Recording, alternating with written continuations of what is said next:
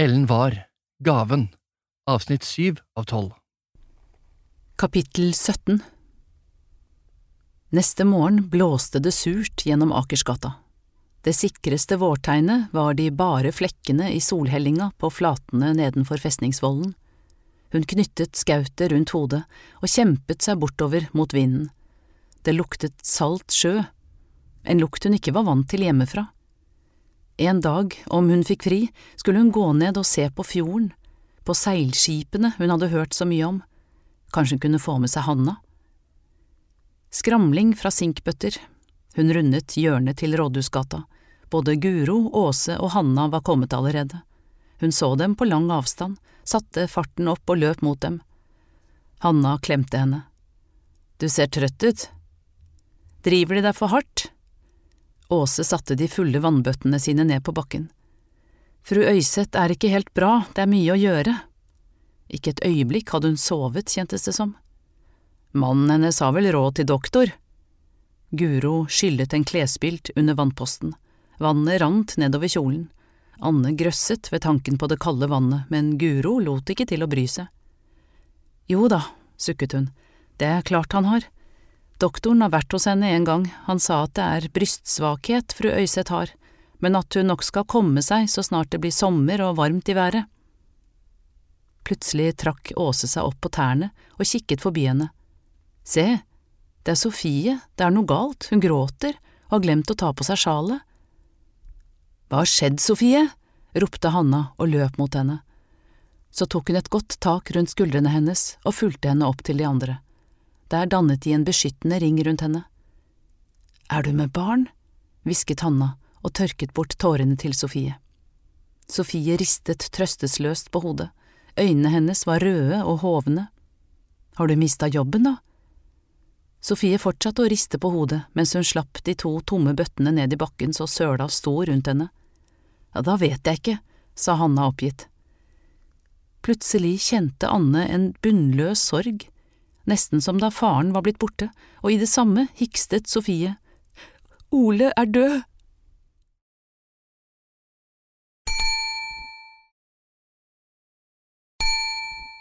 Ole Hansen, utbrøt Hanna, kjæresten din? Ja. Anne klemte Sofie inntil seg, og i det samme for en tanke gjennom henne. Kunne hun kjenne andres sorg og smerte? Var det Sofies sorg hun hadde kjent, og Andreas smerte? Var det den hun hadde kjent i brystet? Vi som skulle gifte oss, bare han kom hjem fra sjøen, gråt Sofie og rev Anne ut av tankene. Det var presten som kom på døra og sa at han var druknet.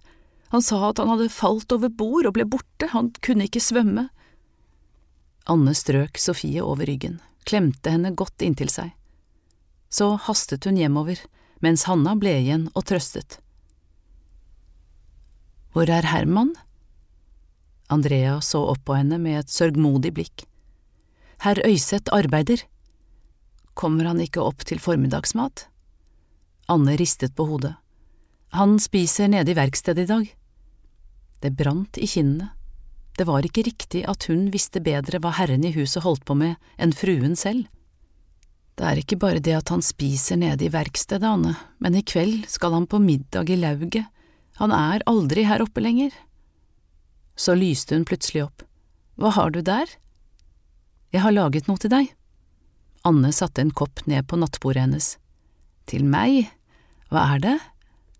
Andrea heiste seg opp, hun var nesten borte mellom de store putene. Det er en drikk av tørket Maria Nøkleblom. Andrea lo ertelystent. Smaker den like rart som kamilleblomstdrikken? Kanskje? Vil det lindre hosten min? Andrea kikket ivrig på henne. Jeg håper det, Andrea. Så sa hun lavt. Jeg skulle ønske jeg hadde fått med meg flere planter hjemmefra som kunne hjelpe deg, men brevet ditt kom midt på vinteren, jeg var ikke forberedt. Så la hun merke til at Andrea så ned. Det hadde ikke vært meningen å uroe henne. Anne smilte til henne. Vil du høre hvordan blomsten fikk navnet sitt? Andrea nikket. Gjerne. Det har seg sånn at en gang mistet jomfru Maria nøkkelen til himmelporten på jorda, og der den falt ned, vokste det opp Maria Nøkleblom som skulle vise henne hvor hun kunne finne den igjen. Det var en vakker historie, Anne. Andrea førte koppen forsiktig opp til munnen og drakk den varme drikken i forsiktige, små slurker. Så løftet hun hodet og kikket på Anne. Du har virket litt fjern i det siste, som om du går og tenker på noe. Virket hun fjern? Hun ristet på hodet for å forsikre Andrea om at det ikke var noe, og unnskyldte seg med at hun hadde vask som ventet i bryggerhuset. Anne? Ja? Hun snudde seg og neide. Jeg er så glad du kom, enda familien din må savne deg fryktelig. Svetten drev nedover ansiktet og brystet, hun tørket seg med forkleermet. Ikke for det, hun hadde vent seg til å bruke bryggepanna i bakgården nå, den var ikke ulik den store jerngryten hun hadde vasket i på Musta, men på Musta var det så mange som fartet ut og inn hele tiden. Den gangen hadde hun ofte irritert seg over alt ståket, men nå savnet hun det. Her var hun ensom. Hun som var så glad i å gå for seg selv. Hjemme hadde hun ofte følt seg mer ensom når hun var sammen med andre enn når hun var alene, men her var det motsatt. Her var hun plutselig ensom alene. Så tenkte hun på Sofie, som var så ulykkelig, og Andrea, som lå oppe og hostet, og her sto hun og syntes synd på seg selv. Var det Kirstine som sto i bryggerhuset på Musta nå? Hun kjente det sprenge bak øynene. Var lillesøsteren blitt frisk? Hadde fru Mustad gitt henne flaska fra apoteket? Det verket i ansiktet, i hele kroppen, og moren, lå hun hjemme alene på Sevald? Var hun sulten? Selvfølgelig var hun sulten, Kirstine også, og selv gikk hun rundt og var mett. Kjolekanten sneiet borti vaskebrettet da hun festet det siste lakenet på snora. Brettet falt mot vaskestampen og laget en skarp lyd. Alt var visst vanskelig i dag. Da kvelden kom, så hun inn til Andrea. Hun sov fredelig. De hvite hendene hvilte på teppet med kniplingkant. Ved siden av henne lå Bibelen med gullbokstaver utenpå. Den eneste gangen hun hadde hørt fru Mustad snakke om Gud, var da hun leste til konfirmasjonen med henne. Fru Mustads Gud var helt den samme som presten snakket om, en rettskaffen og rettferdig Gud. Elseby snakket om Gud som en livskraft i hver eneste plante, i hvert eneste tre, en livskraft som gikk like inn i menneskene om de forsto å bruke den riktig. Hun undret seg over hva slags styrke Andrea fikk fra Gud når hun leste i Bibelen, Andrea som trengte all den trøsten hun kunne få. Anne løftet boka forsiktig opp, redd for å vekke henne, og la den ned på nattbordet. Det sto en kald trekk fra vinduet. Hun gikk bort og trakk gardinene for, og la i det samme merke til at himmelen var blitt truende og sort. Hvorfor hadde Gud gitt henne en gave om hun ikke kunne bruke den til å hjelpe Andrea? Hva var det hun ikke forsto? Hun blåste ut lyset på nattbordet. Hun gikk sakte gjennom den mørke entreen med lysestaken i hånda. Det kom lyder fra kjøkkenet. Kanskje det var herr Øyseth som var sulten? Det var ingen vei utenom kjøkkenet, skulle hun komme inn til pikeværelset men hun kunne alltids finne fram litt skinke og ost til ham, litt brød kanskje, varmt drikke om han ba. Det var dunkelt der inne, bare det ene stearinlyset på bordet var tent, men hun kunne se at han var kledd for å gå ut. Han sto ved kjøkkenbenken med et vinglass i hånda. Kan jeg gjøre noe for dem? sa hun lavt. Han ristet på hodet mens han betraktet henne. Jeg skal i lauget resten av kvelden. Hun slo blikket ned mens han drakk ut. Så ga han henne glasset, men han slapp det ikke. Hun skalv. Så tvang hun seg til å gå forbi ham og fant døra til pikeværelset. God natt, Anne. God natt. Hun lukket den stille bak seg. Så helte hun kaldt vann fra muggen i vaskevannsfatet og vasket ansikt og bryst før hun la seg under teppet. Lenge var det ikke en lyd å høre der ute fra kjøkkenet. Hva slags krefter var det han bar med seg som gjorde at hun ble så svak i hans nærvær? Var det de gode eller de onde? Hun krøket seg sammen og lå helt stille. Det eneste hun hørte, var lyden av sin egen pust og noen små regndråper som traff ruta. Så knirket det i en planke, og ytterdøra ble slått igjen. Hvor lenge hun hadde ligget og hørt på det kraftige uværet som herjet over Kristiania, visste hun ikke, men det var som om det aldri ville ta slutt.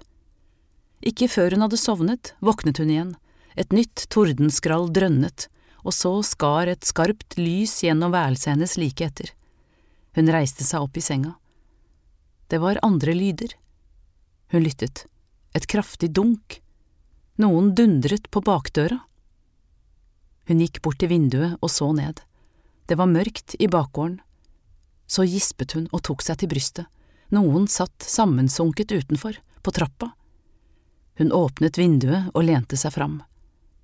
Det måtte være herr Øyseth som var kommet hjem. Han hadde i hvert fall en lik frakk, men hvorfor i all verden hadde han satt seg der? Hun dro sjalet over skuldrene. Der kunne han jo ikke sitte, han ville fryse seg fordervet. Hun hastet over gulvet i bare sokkelesten, åpnet døra og støttet seg mot veggen mens hun løp nedover trinnene. Slåen for døra var hard å få av, men hun var blitt vant til den, hun slo den opp. Hadde hun visst at han skulle ta denne veien, ville hun ha latt døra stå åpen, men han gikk jo aldri der ellers, dette var ikke hans inngang. Han så opp på henne. Regndråper rant nedover kinnene hans, eller tårer, hun visste ikke men våt var han over hele seg. Frakken dryppet da han reiste seg. Kom inn, så skal jeg fyre opp for dem, sa hun hastig, de blir syk her ute. Verkstedet, sa han og støttet seg mot dørkarmen. Jeg fyrer opp selv, men du kan komme ned med en kanne vin og et par glass. Han strøk seg over ansiktet og lukket øynene, men da han åpnet dem igjen, så han rett på henne. Det var noe i øynene hans hun hadde sett før, en gang for lenge siden, noe som hadde skremt henne. Da hun kom ned, satt han foran grua og tørket seg i bare trøye og bukser. Det våte yttertøyet hans lå over arbeidsstolen. Hun hadde skyndet seg på med arbeidskjolen og satt opp håret før hun hadde funnet fram kanna og glassene fra kjøkkenet slik han hadde bedt om. Han reiste seg straks han så henne tok brettet med vinen og glassene og nikket mot to stoler han måtte ha trukket bort til varmen før hun kom inn. Sett deg, Anne. Anne? Nå sa han det igjen. Så pent navnet hennes hørtes ut når han sa det. Hun gjorde som han ba om mens hun hørte at han skjenket i vinen borte på arbeidsbordet. Hun våget ikke snu på hodet. Så var han ved siden av henne, rakte henne et av glassene og satte seg tungt ned i den ledige stolen ved siden av hennes. Hun satt helt stille, visste ikke hva som var riktig å gjøre nå. Fra øyekroken så hun at han hadde den ene underarmen lent mot låret og glasset hvilende på motsatt kne. Han satt og så inn i flammene. Vinen brant i brystet. Hun var uvant med å holde krystall, og hun var uvant med å drikke vin. Dessuten så det ut som om han hadde glemt at hun var der. Men plutselig løftet han hodet. Hun holdt pusten og ventet spent på hva han ville be henne om. Kanskje det var på tide å gå, at det var det han ville si nå. Men han bare så på henne og hvisket, Dans for meg. Hjertet banket så hun nesten ikke fikk puste. Hun skulle til å protestere, da sa han bønnfallende, Vær så snill.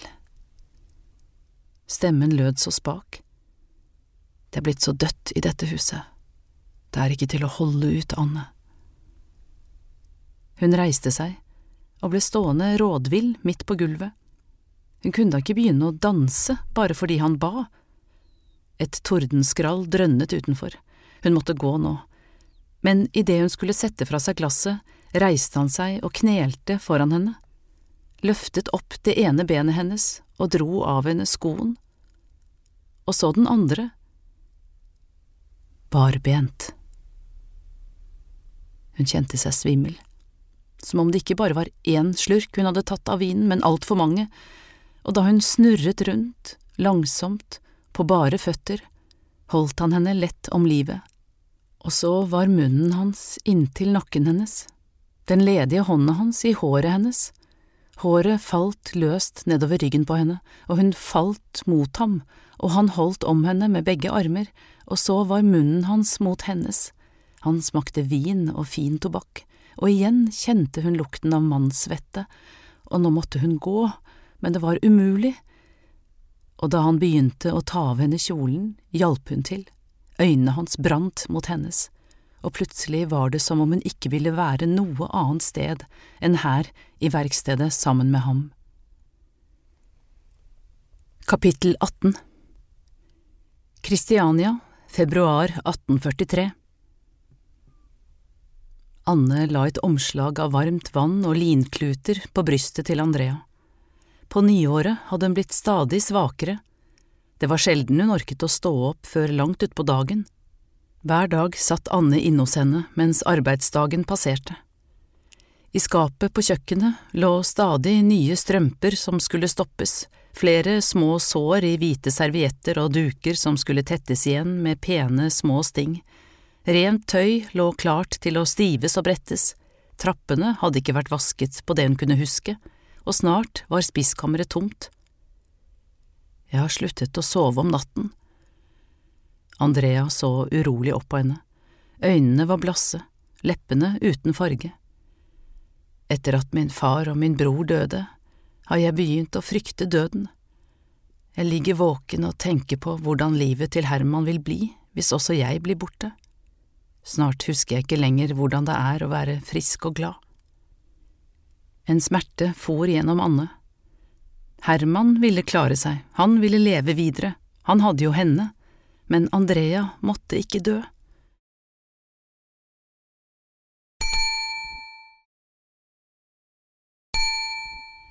Hun løftet hodet og så bort på det bleke ansiktet. Hun var så glad i Andrea at hun ikke kunne bære den tanken at hennes lykke skulle være forårsaket av Andreas død. Min far ba Herman om å ta vare på meg da han gikk konkurs etter krigen. Anne fjernet omslaget, dyppet det i det varme vannet som hun hadde helt opp i vaskevannsfatet på nattbordet, hendene ble hovne og røde. Herman hadde allerede slått seg opp i Kristiania da familien min mistet alt. Andreas øyne ble tunge og fuktige mens hun snakket. Vi måtte flytte fra familiegården på Vinger, som hadde vært i familiens eie i generasjoner. Anne vred opp en gang til, brettet kluten sammen på nytt og la det på det magre brystet. Er det for varmt? Andrea hørte visst ikke etter, bare fortsatte. Vi flyttet inn til mormor, i den store magasinforvalterboligen i Øverbyen i Kongsvinger, like etter at morfar var død. Min far fikk jobb som løytnant på festningen, men en dag sa han at vi skulle flytte videre til Kristiania, og det var da han kontaktet Herman, og han ble min verge. Men han giftet seg med deg? hvisket Anne og kjente seg uvel i hele kroppen. Det var jo henne han brydde seg om, det kunne ikke være den samme kjærligheten mellom de to. Så lenge Anne hadde vært i huset, hadde han sovet på arbeidsværelset hadde Andrea og Herman noen gang delt seng? Kanskje hele ekteskapet bare var en avtale mellom Herman og storebroren, slik at Andrea skulle være sikret? Hun flyttet urolig rundt på vaskevannsfatet og noen ubrukte kluter, flyttet Bibelen lenger bort så det ikke skulle dryppe vann på den. Men det var jo Andrea han var gift med likevel. Hun klarte bare ikke gi slipp. Møtene med Herman var det eneste som fikk henne til å føle seg levende. Andrea så alvorlig bort på henne. Herman lovet min far å ta vare på meg alle dager. De to var veldig nære, og Herman var bare ni år eldre enn jeg. Anne fortsatte å rydde nattbordet. Det stakk i henne å høre Andreas troskyldige stemme. Hun flyttet lysestaken fra den ene siden til den andre så børsten med forbokstavene i navnet hennes, Andrea, Olivia, Rebekka, inngravert i store løkker. Enda så herlig det føltes å være sammen med ham, visste hun at det ikke var rett. Hvor ofte hadde hun ikke sagt til seg selv at nå måtte det ta slutt? Aldri mer skulle hun ned i verkstedet til Herman igjen, samme hvor mye han ba. Men om natten var det som om alt åpnet seg inni henne. Når han la hendene rundt nakken hennes, ble hun myk og vendt mot ham. Når han la hendene om brystene hennes, kjentes de tunge og varme, ømme, hele henne var øm, som han var øm mot henne, og etterpå følte hun seg vakker, nesten som en av sølvgjenstandene på hylla. I den første tiden hadde hun nesten ikke kunnet tro at han ville ha henne ned igjen men når hun var nede hos ham og foldet seg ut, syntes det ikke så underlig likevel. Hun var blitt som nøkkerosen Hanne hadde fortalt om. Om dagen gikk hun rundt og var lukket om seg selv. Hun snakket ikke stort med jentene ved vannposten, og hun gikk stille ved siden av Hanna på hjemturen. Men det som var verre, var at hun ikke klarte å snakke ordentlig med Andrea lenger. Når Andrea ba henne fortelle om alt der hjemme, om engene og jordene, om skogen og familien, var det plutselig blitt så vanskelig å huske. Noen ganger husket hun knapt navnet på noen av blomstene som hun hadde vært så glad i, og som Andrea så gjerne ville høre om. Hun følte allerede at Gud straffet henne.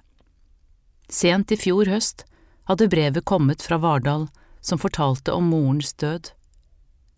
Da Andrea hadde kalt henne inn i finstua med et alvor i stemmen, hadde Anne først trodd at hun og Herman var oppdaget, de hadde ikke vært forsiktige nok. Hvor mange ganger hadde ikke Herman snakket om å kaste ut madammen i det tarvelige brennevinsbrenneriet ved siden av, mens Anne lå på armen hans nede i verkstedet? Didrik hadde arvet farens Dannebrog-medalje i sølv, og Ole tollekniven med slire av lær. Kirstine fikk morens sorte brudekjole, kjolen som hadde vært omsydd til Karens konfirmasjon, så til hennes. Anne hadde sett for seg lillesøsteren foran sognepresten i kjolen, og grått. Til sist i brevet sto det at hun skulle få morens giftering, og Jon skulle ta den med til henne på neste markedstur. Ringen som betød troskap inn i evigheten, uten begynnelse eller ende. Tre dager hadde den ligget i kjolebrystet nå. Mor var syk da jeg reiste, sa Anne svakt og satte seg ned i stolen ved siden av Andrea. Hun orket ikke riktig å leve etter at far døde. Slik er det ikke med min mor. Andrea hostet. Det virker ikke som hun riktig sørger over ham engang. Er det ekte kjærlighet, så sørger man til man dør. Kjærligheten er evig. Hun svelget hardt for å holde klumpen i halsen borte. Det hadde vært enda sårere å miste moren enn faren. Med faren hadde hun ingenting usagt. Men Herman, fortsatte Andrea og tørket sikkel som rant ned fra munnen med lommetørkle, han vil nok sørge over meg til han dør, så høyt elsker han meg. Anne bøyde hodet, det brant i kinnene tenkte på de myke hendene som kjærtegnet henne, hvordan de fikk henne til å skjelve og bli fullstendig viljeløs. Det brant i huden når fingrene hans berørte henne og de to ble til ett. Andrea, du skal bli frisk, hvisket hun. Andrea ristet på hodet og så på henne med store, bekymrede øyne. Så la hun hodet bakover, lukket øynene og døste av. Lufta var tett, det føltes nesten som om hun ble kvalt der inne, om hun bare kunne åpne vinduet et lite øyeblikk, men Andrea ville våkne med det samme og klage over at hun frøs. Anne reiste seg opp, fjernet omslaget fra brystet hennes og trakk det myke teppet godt opp. Så gikk hun bort til vinduet og la panna mot den kalde ruta. Der klarte hun ikke å holde tårene tilbake lenger. Hun lot dem renne fritt nedover ansiktet mens hun puttet hånda inn i kjolebrystet. Der fant hun ringen, morens giftering. Hun klemte den inni hånda, som om den kunne gi henne styrke. Først den siste dagen av markedet hadde hun våget seg bort til byvekten sent på ettermiddagen for å se etter ham. Bønder hadde stått overalt, de ropte ut hvor det var best å kjøpe hester, smør, trekar og skinn, mens andre ropte om planker og tjære. I det samme hun passerte de største bodene, hadde hun sett ham. Han sto henslengt og lente seg inntil en av dem. Da han oppdaget henne, hadde han sett på henne med de varme, brune øynene hun kjente så godt, og sparket litt med den ene foten. Hun hadde tatt hånda hans og dratt ham med seg ut av menneskemylderet, og da de var kommet ut av torvet, hadde hun ikke villet slippe den. Hånda hans var så varm og trygg. Han hadde smilt til henne. Se, Anne, månen lyser ned på oss. Andrea våknet med et rykk. Kan du sitte litt hos meg, Anne? Anne puttet ringen tilbake i kjolebrystet og tørket øynene. Jeg er bare her borte ved vinduet, Andrea. Hun gikk mot senga. Ansiktet hennes var så forandret, øynene så trøtte. Den vakre, unge frøkenen hun en gang hadde møtt i finstua på Mustad, hadde mistet all farge og kraft, som georginene om høsten. Hun satte seg ned ved siden av henne igjen. Det eneste som var helt nødvendig før dagen var omme, var en tur til vannposten. Andrea lukket øynene og sovnet. Hun lukket også øynene. Det var bare noen dager siden de hadde sittet på benken ved siden av bryggepanna i en rå trekk, under putetrekk og lakener, og rader med gulnede lommetørklær som aldri riktig tørket. To år var gått siden hun hadde sett Jon sist. Likevel virket det ikke som de hadde vært fra hverandre en eneste dag. Hun følte at de to årene hadde gjort henne til en helt annen person, mens han var akkurat som før. Den litt for korte vadmelsjakka, de krøllete arbeidsbuksene, den sorte luggen under lua. Det var så mye Jon ikke visste om henne nå, hvem hun var blitt. Hadde han sett det i øynene hennes? Det virket ikke slik. Etter en stund hadde han trukket henne inntil seg, og hun hadde hvilt hodet mot halsgropen hans. Skjeggstubber, tobakk og lær, åkre, skog, nyfelte trær og kvae. Det luktet hjemme. Ole og Didrik var fremdeles på Mustad, kunne han fortelle. Kirstine var på legd og jobbet på Alm. Det var ingen igjen på Sevald nå så var det godt med lillesøsteren som hun hadde fryktet. Hvorfor på Alm og ikke på Mustad, Jon? Han hadde trukket på skuldrene. Si til henne at jeg ikke har glemt henne, Jon. Lover du meg det? Tollef hadde sagt at om det ble en ledig plass, var det mulig at Jon kunne ta over nå. Det måtte være en plass med jord, da, hadde han tilføyd, så han fikk sådd et par tønner korn. Han var sikker på at det ville ordne seg i år. Så sa han det hun hadde fryktet. Hvis du vil vente på meg, så ordner det seg nå. Blikket hans hadde vært så åpent, så sårbart, hun orket knapt å møte det. Så hadde han fisket opp en liten tøypose fra lomma. Det var nok Ingunn som hadde sydd den, så ringen ikke skulle bli borte på veien. Hun hadde tatt den imot, morens giftering. Jeg kommer tilbake til markedet om et år, da kan du gi meg svaret ditt. Ja, om du ikke har funnet noen her i byen, mener jeg. Jon, som alltid hadde sett på henne med godhet i øynene, som om hun var det fineste han visste om. Men det var noe annet hun hadde med Herman, noe hun ikke rådde over. Hjertene deres var ett når de var sammen, som om de banket i samme takt, som om de hungret etter det samme. Hun kikket bort på den skjøre skikkelsen som lå og sov foran henne som et uskyldsrent barn. Brystet hevet og senket seg hastig. Det smertet henne å tenke på at Andrea lå våken om nettene, våken og redd, mens hun selv og Herman… Hun skjøv tanken bort. Å, som hun hadde lyst til å skrubbe alle sporene etter ham, all lengselen etter ham, vekk fra kroppen sin, men det var umulig. Hun hadde sviktet Andrea. Kallet sitt hadde hun også sviktet. Hun hadde ikke reist den lange veien til Kristiania for dette. Det kunne ikke stemme. Kapittel 19 Hanna, du må hjelpe meg. Venninnen sto og ventet på henne utenfor portrommet med to tomme bøtter. Fru Øyseth blir ikke bedre, jeg vet ikke hva jeg skal gjøre. Hjelpe deg, men det var du som sa du var opplært av en klok kone der du kom fra, at du hadde lært deg å helbrede med planter. Ja, men det hjelper meg ikke nå, Hanna. ikke er det planter å finne på denne tiden av året, og om det hadde vært det, ville jeg ha blitt tatt for å være en kvakksalver om jeg plukket dem. Ja, om ikke du kan, er det ikke stort jeg kan gjøre. Hanna hutret. Jo, Hanna, du kan fortelle meg hvor jeg kan finne mor Sæter. Mor Sæter er like her nede, hun, nede i Pipevika, retning havna. Hanna plantet hendene godt i siden. Men dit skal du ikke gå. Nei, hun tar ikke imot tjenestepiker som deg, om du så banka på, nei, du skal gå til Beret Kampen. Men hvor finner jeg henne, da? På Kampen, vel? Hanna smilte oppgitt.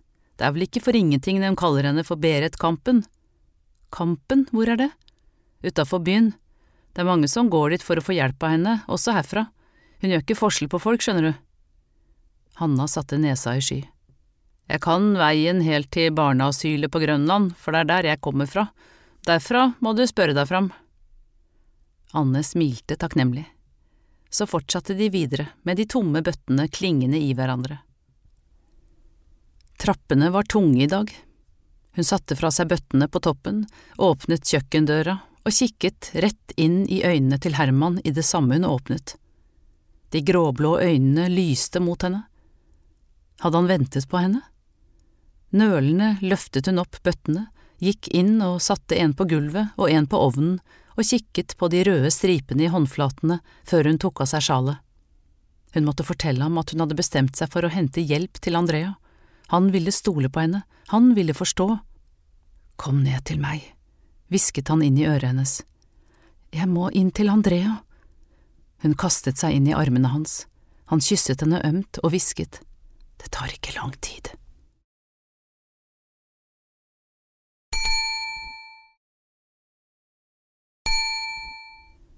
Alltid ble hun like kortpustet når hun var nær ham. Hun skalv når kroppen hans var inntil hennes. Hun forsøkte å samle seg, måtte ikke glemme det hun skulle fortelle ham. Det var viktigere enn alt annet nå, og det hastet. Hun lente seg tilbake og oppdaget et lurt glimt i øynene hans. Jeg skal bare fortelle deg en hemmelighet. Han slapp henne, gikk mot bakdøra og åpnet den. Hun ble stående, usikker. Det sitret i hele kroppen. Kom. Han tok hånda hennes og dro henne med seg en hemmelighet? Hun holdt seg som vanlig på god avstand fra ham gjennom gården, hentet en favn med ved, enda hun visste at vedkassen i verkstedet var full, enda hun visste at Andrea ikke kom til å stå opp og se etter henne. Så banket hun av seg snøen fra støvlene på trammen før hun gikk inn i verkstedet. Han hadde allerede satt seg ved arbeidsbenken da hun kom inn, og vinket henne straks bort til seg. Hun la fra seg vedstabelen først. I det samme raste det fra taket, og en haug med snø landet foran vinduet med et brak. Lattermildt trakk han henne ned på fanget, mens hun hysjet på ham og forsøkte å rive seg løs. Jeg kan ikke være her lenge, hvisket hun. Så du vil altså ikke? Han strøk en hånd over ansiktet hennes. Jo, sa hun spent og kysset den, men jeg må si deg noe først, det er viktig. Han satte seg tilbake og holdt armene i kors foran brystet. Hva er det? Hun rettet ryggen. Jeg har tenkt å hente hjelp til Andrea, Herman, hos en klok kone. En klok kone? Han rynket brynene. Ja, hun er en slags mor Sæter. Nei, Anne, det skal du ikke, sa han bestemt. Andrea er i de beste hender. Hvordan kom du på noe slikt? Men det hjelper ikke, hun grep tak i skjorta hans og så ham inn i øynene. Jeg har nemlig en gave, Herman, jeg vet at de kloke kan hjelpe. En gave? Han humret. Legestanden har min fulle tillit, lærde menn med universitetsutdannelse. Hun så ned, det sved bak øynene, han kunne umulig se henne og den hun var. Hun knyttet nevene under kjoleforkleet. Hva var det du ville si med Herman? Jeg tror jeg endelig skal lykkes, sa han. Lykkes? Jeg syns alt du lager er vakkert, jeg. Hun forsøkte å virke glad, men han kunne jo ikke bry seg om Andrea heller, når han ikke stolte på henne. Så fikk hun klare det alene. Du forstår ikke, Anne, vinkanner og pokaler blir glemt, det er helt ubetydelig. Så lente han seg inntil henne. Dette er noe annet. Det vil gå inn i historien. Stortinget har bestemt at det skal lages en norsk krone. En krone? Hun rettet seg opp, fremdeles sår over det han hadde sagt. Ja, nikket han, og det her i landet, Anne, selve arvefyrstekronen. Arvefyrstekronen? Til den lille arveprinsen, hvisket han og begynte å fikle med knappene i kjolebrystet hennes. Hva med kongen og dronningen, skal ikke de ha kroner? Hun fjernet hånda hans. Kongekronen og dronningkronen er allerede laget. Han la munnen inntil kinnet hennes og blåste vekk et hårstrå. Det er nettopp det som er saken. De er laget av svenske gullsmeder i Sverige. Det har aldri før vært laget en norsk krone. Et kronregalie fra en norsk gullsmed er det Stortinget ber om Anne for aller første gang. Han løftet henne av fanget, reiste seg og gikk bort til det store skapet. Der trakk han ut en skuff, den nederste skuffen, der han oppbevarte bestillingen i. Se hva jeg fikk i dag. Han trakk opp en papirrull og kom mot henne. Dette er tegningen av kronen. De lange gullsmedfingrene skalv mens han brettet den ut over arbeidsbordet og la en loddebolt på den ene siden og en tang på den andre så den skulle ligge flatt. Så trakk han henne inntil seg. Gull, perler, edelstener og slepet glass, hvisket han, det er en utsøkt krone. Hun studerte tegningen. En krone, akkurat som den lille kronen på farens medalje. Hun skulle til å fortelle ham om den, da han snudde seg mot henne og utbrøt. Det er mer, Anne. Mer? Ja, men ingenting av dette må fortelles videre, det forstår du. Øynene var alvorlige, panna rynket og munnen stram. Jeg stoler på deg, Anne. Plutselig var det noe som endret seg i henne. Jeg må gå nå, Herman. Hun lente seg vekk fra ham. Det var akkurat som det han hadde fortalt, tynget henne, og gjorde henne mer trist enn glad, hun som likte så godt å høre ham snakke. Bare hør på dette først, Anne. Han kremtet og renset stemmen. En av gullsmedene i kvartalet her forsøkte å komme oss andre i forkjøpet ved hjelp av en dansk arkitekt og en svensk svenn, men vi stoppet ham, Anne. Gullsmed Lauge sammen med Johannes Flinto, lederen for tegneskolen. Han fnøs. En dansk arkitekt og en svensk svenn på en norsk krone, et kuppforsøk er hva det er. Hun hadde aldri sett ham slik. Hun fikk ikke kontakt med ham lenger. Nesten beruset virket han da han forklarte at de hadde bestemt å utlyse en konkurranse. På den måten fikk de stoppet den frekke gullsmeden. Den gullsmeden som nå leverte det beste utkastet til utførelse, basert på Flintos tegning, ville få det ærefulle oppdraget med å lage arvefyrstekronen. Herman, nå går jeg opp til Andrea. Ja vel, sa han uten å se opp, han enset henne ikke. Men vi ses her nede senere, Anne. Hun lukket døra bak seg uten et ord. Som hun skulle ønske at hun hadde kunnet si nei og stå ved det men hun visste at snart ville hun begynne å lengte igjen, og at svaret var ja. Kapittel 20 I begynnelsen av april fant Anne veien til kampen. Doktoren hadde vært hos Andrea flere ganger. Det var tydelig at Herman satte sin lit til ham og medisinene i de brune flaskene. Anne hadde ventet til han var ute på reise igjen, ville ikke ta sjansen på at han skulle spørre henne ut om hvor hun hadde vært.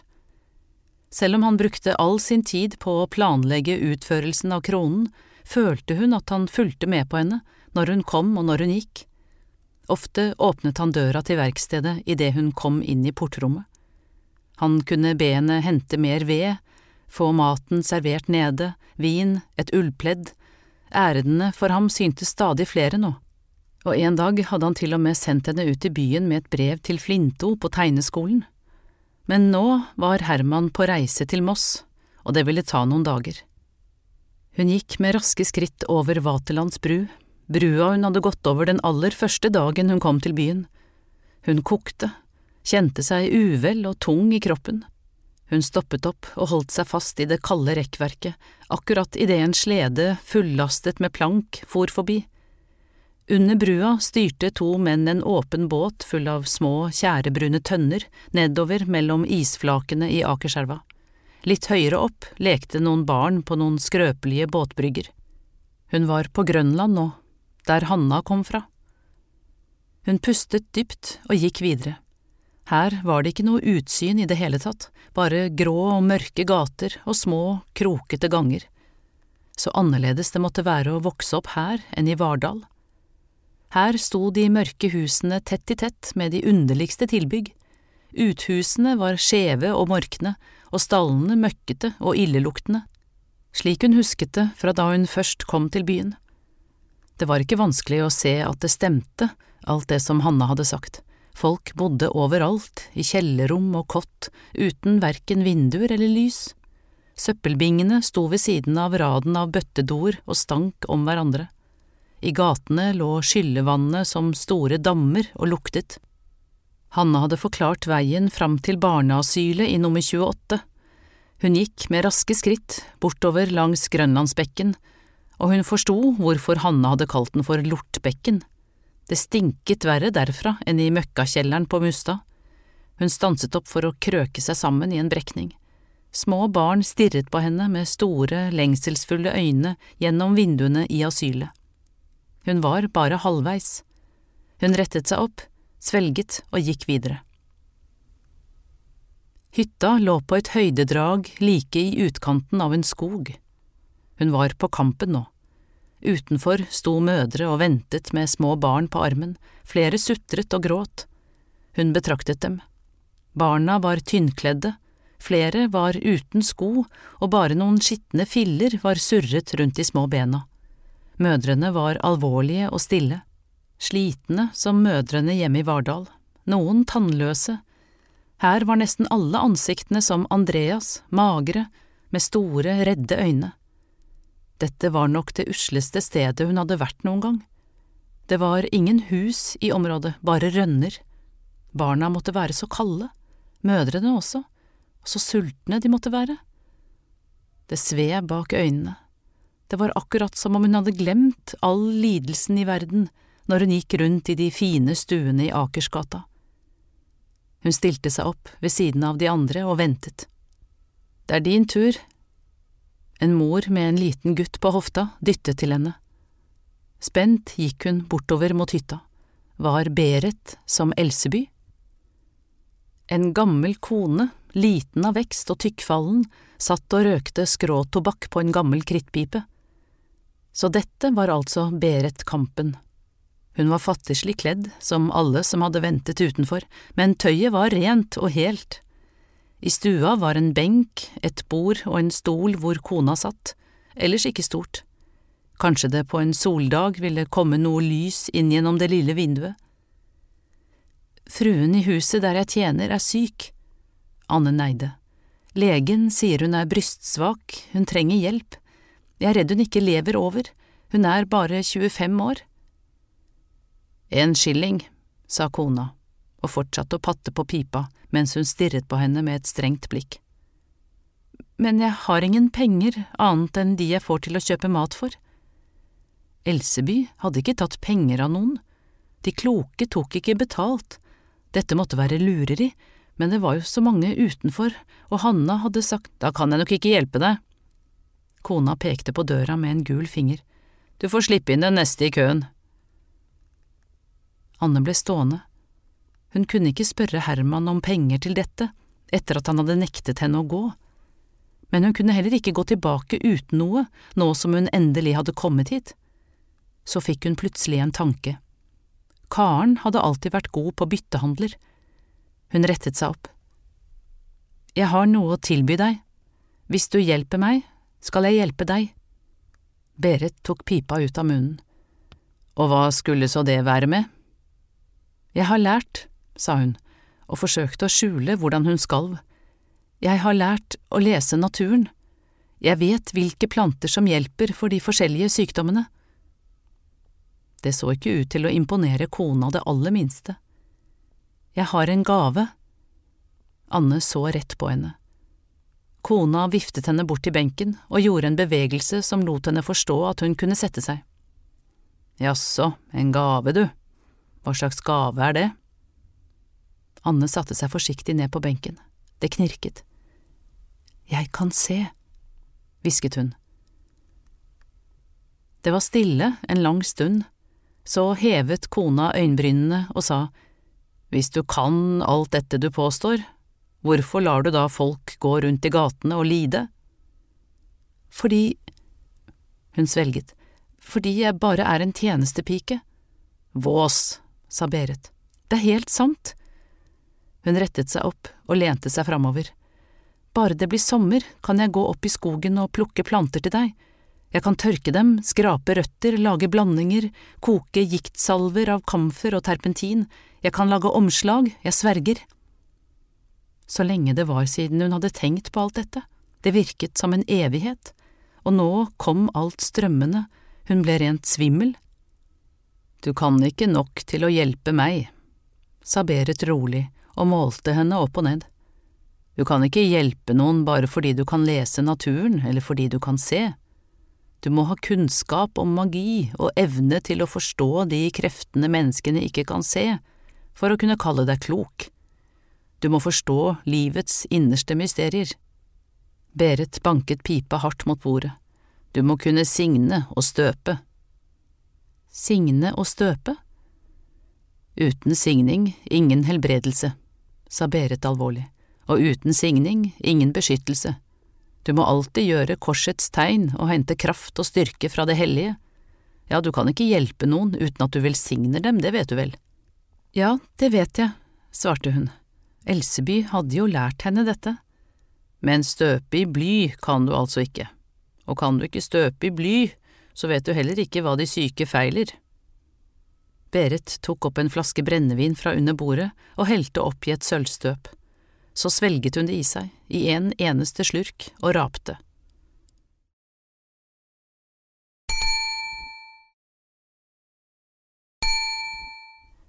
Elseby, som jeg lærte av, brukte en rød tråd som hun målte med.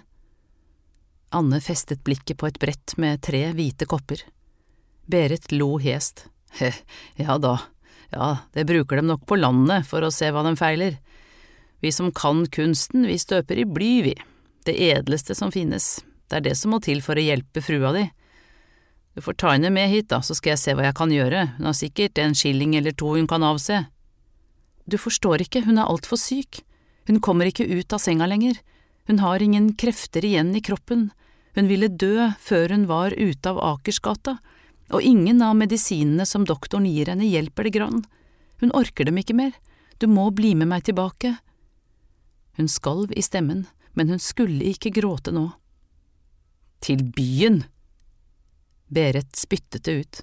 Ja, det skulle tatt seg ut, sitte inne på vann og brød sammen med mor Sæter nede på tukthuset, da var det ikke mange som fikk hjelp her i denne byen. Da kom hun på noe som Hanne hadde sagt, at de med penger kunne hente de kloke hjem til seg i skjul, etter at det var blitt mørkt, og føre dem usett opp baktrappa at de rike alltid hadde råd for alt, og Herman og Andrea var jo rike. Hun måtte bare finne en løsning. Men jeg kan ordne med en vogn til deg, sa hun hastig, en sånn vogn hvor du ikke blir sett, du kan komme om kvelden når det er mørkt, se her. Hun stakk hånda inn i brystlomma og slengte skillingene som var ment for slaktebodene, ned på bordet. Ta alt sammen. Kjenner du ikke loven, jente? Berit tømte raskt et nytt sølvstøp og lot myntene bli liggende. Nei, sa Anne usikkert. Doktorene rapporterer de kloke inn til myndighetene en gang i året. Det finnes kloke koner og menn over hele landet, det har de gjort i alle tider. Noen har det som medfødt gave, andre ikke. Ja, du vet vel det, du som kommer fra Vardal, hvor mange doktorer har dere der? Ingen doktorer, men det finnes kloke koner og noen fødekoner, og presten, tilføyde hun. Men jeg har aldri brukt noen farlige medisiner, medisiner som kunne gjøre skade. Ingen kan bebreide meg for det. Det hjelper ikke hvor mye de har studert, når de bruker altfor sterke medisiner når et gammelt, godt husråd kan gjøre samme nytte. Og nå har de fått en stor jobb, doktorene, for det er noe som heter medisinalinnberetningen, og den sier at de er pålagt å føre oss opp og anmelde oss. Kona strevde med å si medisinalinnberetningen, men det var også et veldig vanskelig ord, og spesielt vanskelig måtte det være etter to sølvstøp med brennevin. Er det doktoren som anmelder? Anne tenkte på doktoren som hadde behandlet Andrea. Det var den eneste doktoren hun noen gang hadde sett. Han hadde spurt henne om så mange forskjellige ting, notert navnet hennes hadde han også gjort. Ja, det er doktorene som anmelder, sukket Berit. Men du skal vite én ting, doktorene er egentlig ikke mot oss, de veit at vi kan behandle sykdommer som dem ikke kan. Se på Svekk, som annethvert barn i Kristiania har. Hva veit vel doktoren om det, ingenting, de har verken kunnskap eller kraften til å helbrede, dem skjønner seg ikke på det, sånn som vi gjør. Er det sant? Ja, sant er det, men dem er pålagt å melde oss likevel. Uansett, så lenge jeg er her utafor bygrensa, tar de meg ikke. Her bor alle dem som ikke eier en skilling. Selv om Pipevika også er utafor, er dem oftere nede hos mor Sæter, for hun behandler rikfolk. Til og med stattholder Løvenskiold har hun blant kundene sine. Og det liker dem ikke, for doktorene vil ha dem kundene som kan betale godt for seg. Berit helte opp et tredje sølvstøp. Det virket ikke som om hun var så ivrig etter å bli kvitt henne. Men mor Sæter kan ikke det jeg kan, hun kjenner ikke til magi.